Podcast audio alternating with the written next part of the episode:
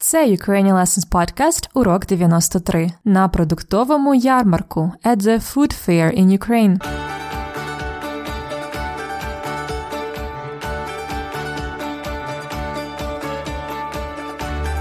Привіт! Це Анна з новим епізодом подкасту Уроки української. На цьому подкасті ви можете слухати, як говорять українці в реальному житті, а також вивчати граматику, фразеологізми та цікаві культурні факти. У 91-му епізоді подкасту американка українського походження Христина питала про пораду в її сусідки Лесі, де можна купити фрукти та овочі, але не в супермаркеті? спитала вона.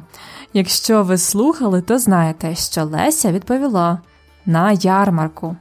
Про те, що таке ярмарки і як вони звучать, ми і поговоримо на сьогоднішньому уроці. Спочатку ми послухаємо розмову на ярмарку, а тоді я розкажу вам про одну з моїх улюблених тем в українській мові це зменшувально пестливі слова. Готові починати? I'm not sure if you still need a short introduction in English, but I will do it just in case. So, I've just said that in the previous episode number 92, our main hero of this season, Kristina, asked her roommate for some porade, some pieces of advice. One of her questions was regarding buying fresh fruits and veggies, besides the supermarket.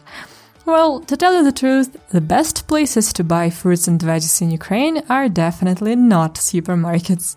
Today you will learn more about yarmarke, fairs, продуктові ярмарки, food fairs in Ukraine. And then I will talk about uh, one of my favorite topics, the diminutive forms of the words in Ukrainian. Тож починаємо! Отже, сьогодні ми говоримо про ринки, базари, ярмарки. Ринок або базар це маркет. Там можуть продавати їжу або речі, або і те, і те, і їжу, і речі. Щоб уточнити, ми іноді говоримо продуктовий ринок. Продуктовий ринок це food market. А ще є ярмарки. Ярмарки це такі ринки або базари, які організовують у певний день тижня, наприклад, кожної п'ятниці вранці або щонеділі до обіду. Ярмарок англійською буде a fair – ярмарок. Сьогодні ви послухаєте розмову Христини на ярмарку. Вона буде купувати овочі та фрукти. А ваше завдання спробувати запам'ятати, що купила Христина. Запам'ятайте, які овочі і фрукти купила Христина. Добре? То готові побувати на українському ярмарку? Тоді почнімо. Добрий день. Добрий день. Вам щось підказати? А у вас мандарини солодкі? Дуже добрі мандаринки. Беріть ось ці. Я візьму кілограм. Вам великих чи маленьких? А можна і тих, і тих. Можна. А цей виноград, він без кісточок? Цей з кісточками. Беріть ось цей кишмиш, без кісточок. Угу. Одне гроно, будь ласка. Добре. Таке? Так, чудово. Що ще? А можна розрізати кавун навпіл? Ну, взагалі ми кавуни не розрізаємо. Але для вас добре, розріжемо. О, а це що таке? Це хурма. Хурма? Хурма. Ніколи не куштували? Візьміть, спробуйте. А вона солодка? Так, так, солодесенька. Добре, давайте дві. Беріть ще картопельку по 10 гривень, дуже добра, жовта. Жовта? Ну, добре. Два кілограми картоплі, будь ласка, і кілограм моркви. І ще буряк. Буду робити борщ. Борщ це те, що треба. Візьміть до борщику зелені пучок, цибульку, часничок. Добре, давайте зелень, пів кіло цибулі і головку чеснику. А чого так мало часнику? Ось беріть 4 за 10. Часничок треба їсти, щоб не хворіти. Ой, ви знаєте, мені зараз так багато не треба. Як скажете. З вас виходить 168 гривень і 50 копійок. Будь ласка, Ваші 200 і ваша решта 31 гривня 50 копійочок. дякую вам. Їж на здоров'ячко, сонечко. Дякую, до побачення. Далі що вам?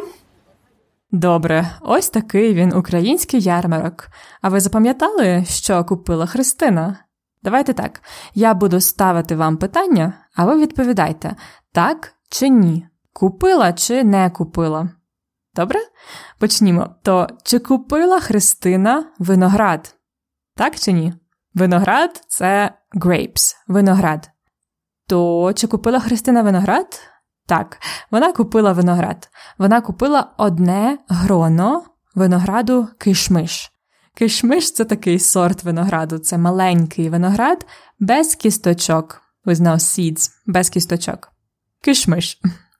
А чи купила Христина кавун? Так, вона купила кавун, але половину кавуна. Продавчиня розрізала їй кавун навпіл. She cut it in half. She cut the watermelon, кавун, in half. Навпіл. In half. Добре. А чи купила Христина баклажани? Баклажани це eggplant. Ні, вона не купила баклажанів. А чи купила вона капусту? Капуста cabbage. Ні, вона не купила капусту. А чи купила вона хурму? Так, вона купила хурму. А ви куштували коли-небудь хурму? Спробуйте, це дуже смачно, дуже солодкий фрукт. І останніми роками хурма дуже популярна в Україні. Хурма англійською буде persimmon. Хурма. Добре, Христина купила хурму. А чи купила вона мандарини? Так, вона купила мандарини. Вона купила і великі, і маленькі мандаринки. Далі, які продукти купила Христина на борщ? Пам'ятаєте? Які продукти вона купила на борщ? Вона купила буряк, моркву, картоплю, часник, головку часнику, цибулю і зелені пучок. A bunch of greens. Пучок зелені. By greens in Ukraine we usually mean кріп, діл і петрушка parsley. Кріп і петрушка це зелень. Так, багато накупляла Христина, а заплатила вона досить мало, бо фрукти та овочі в Україні досить дешеві. Вона заплатила 168 гривень і 50 копійок, дала 200, а продавчиня віддала їй решту change, решту 31 гривню і 50 копійочок. Христина подякувала і пішла. Добре. Я не знаю, чи ви помітили, але продавчиня в цій розмові вживала багато дуже гарних слів. Вона казала не мандарини, а мандаринки, не картопля, а картопелька, не часник, а чесничок, не борщ, а борщик. І наприкінці вона ще сказала: їж на здоров'ячко, сонечко їж на здоров'я, або їжте на здоров'я, або їж на здоров'ячко. It's a common and a very nice way to say you are welcome when it's about food. Дякую, їж на здоров'ячко. Eat for your health. Їж на здоров'ячко. А сонечко це сонце. Маленьке сонце. A little sun. Сонечко. І сонечко тут це a nice way to say darling, sweetheart.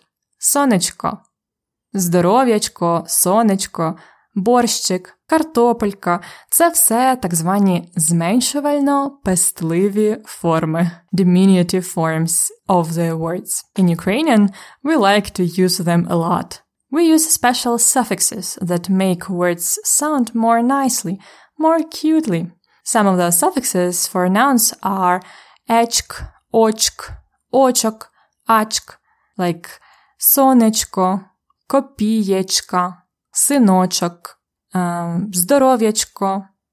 Also, it could be ич, ичок, like борщик, часничок, инка, елька for feminine. Um, so we say картопелька, дівчинка, a little girl. Could be also к, око, like for діти, children, we could say дітки. Or for a name like Сергій, we say Сергійко, Андрійко і так далі. Another suffix used for names is ik. So we could say Taras, Не Тарас, а Тарасик. І також ми маємо ус, усеньк, усечк. Like uh, for mama we say матуся, матусенька, матусечка. And the same for some other names like uh, Ганна, Ганнуся, Катя, Катруся or Катрусечка. Very nice. And the most common way to make diminutives out of adjectives is to add uh, the suffixes enk or esenk.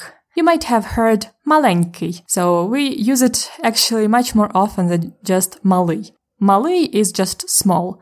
Маленький is a nicer way to say малий, or it can mean also smaller than usual. Маленький. Or it could be also смачненький, солоденький, or солодесенький. Also, verbs can be diminutive with the suffix оньк or очк. So we say не їсти, а їстоньки, їсточки. These ones are used mostly with kids. So yes, in general, we would use diminutives to talk about something that is smaller rather than bigger. Дітки are usually smaller kids, а діти older kids, так. Also, we use them to talk about something in a cute way. We say сонечко, ведмедик, зірочка. And of course, much more often we use uh, those diminutive forms talking to kids. We say ходи їстоньки, сонечко. Ось такі справоньки. А тепер пропоную послухати розмовоньку ще разок. Готові? Добрий день. Добрий день. Вам щось підказати? А у вас мандарини солодкі? Дуже добрі мандаринки. Беріть ось ці. Я візьму кілограм.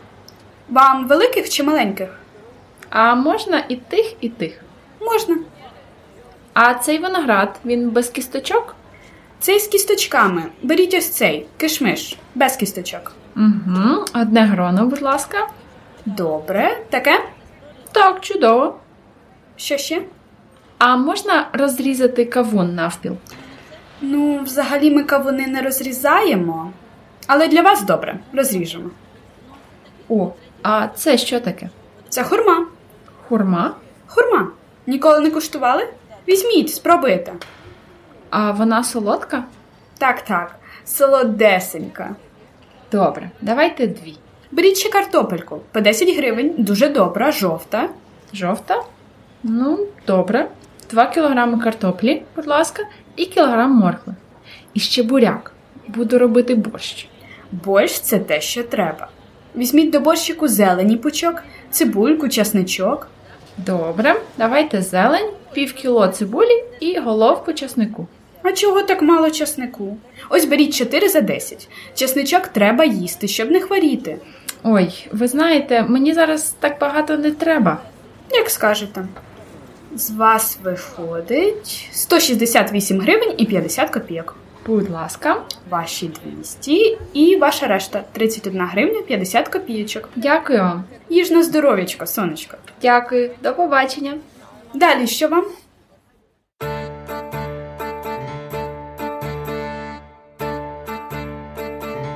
Дієслово дня.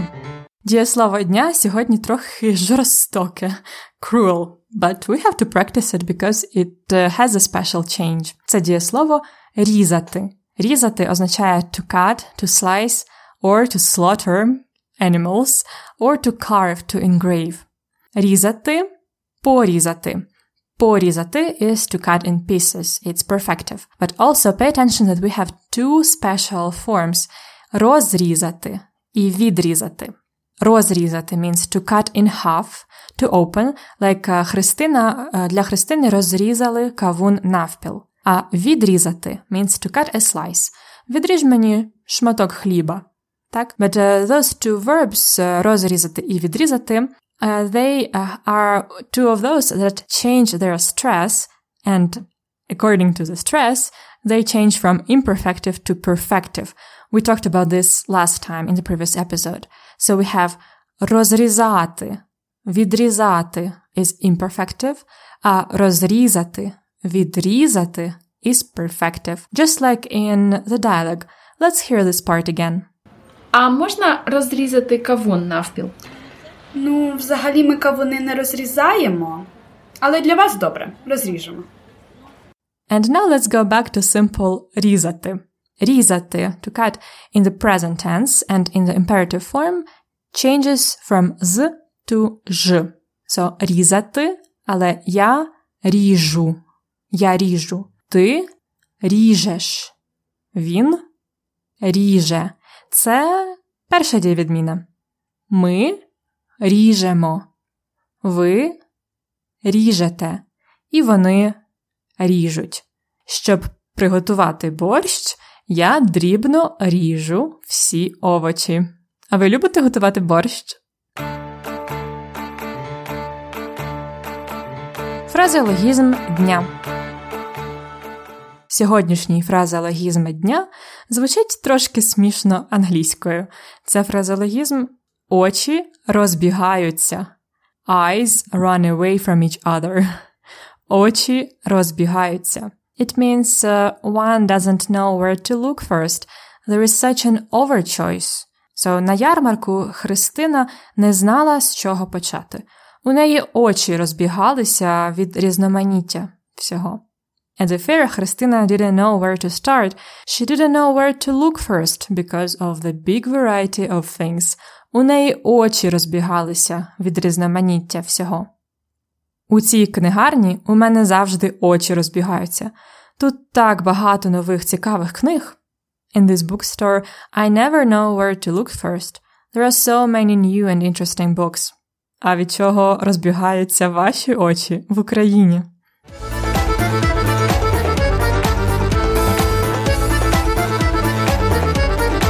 Культурний факт на подкасті. Let's talk more about those ярмарки в Україні.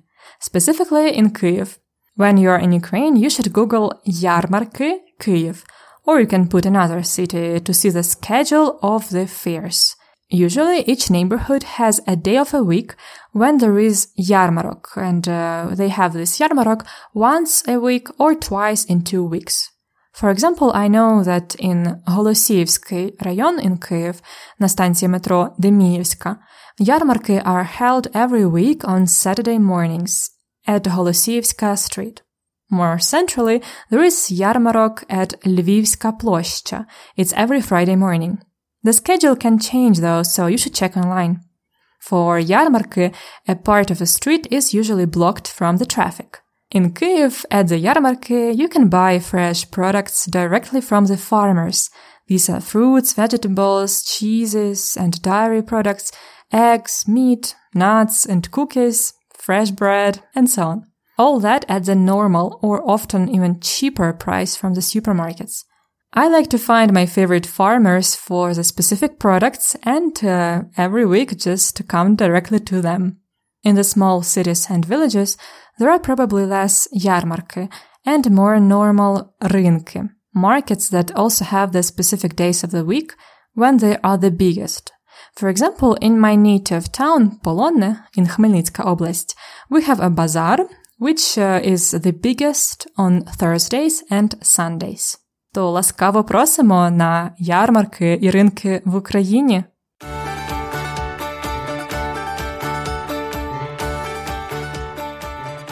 І на цьому все сьогодні. Я дуже люблю ярмарки і ринки, тому сподіваюсь, я змотивувала і вас відвідати їх в Україні. На ярмарках можна купити найсмачніші продукти а також гарно поспілкуватись з людьми, як зробила сьогодні Христина. Не забувайте використовувати на ярмарках і просто так димінуативи, зменшувально писливі слова, як картопелька, апельсинки, молочко. Так українська мова звучить ще красивіше.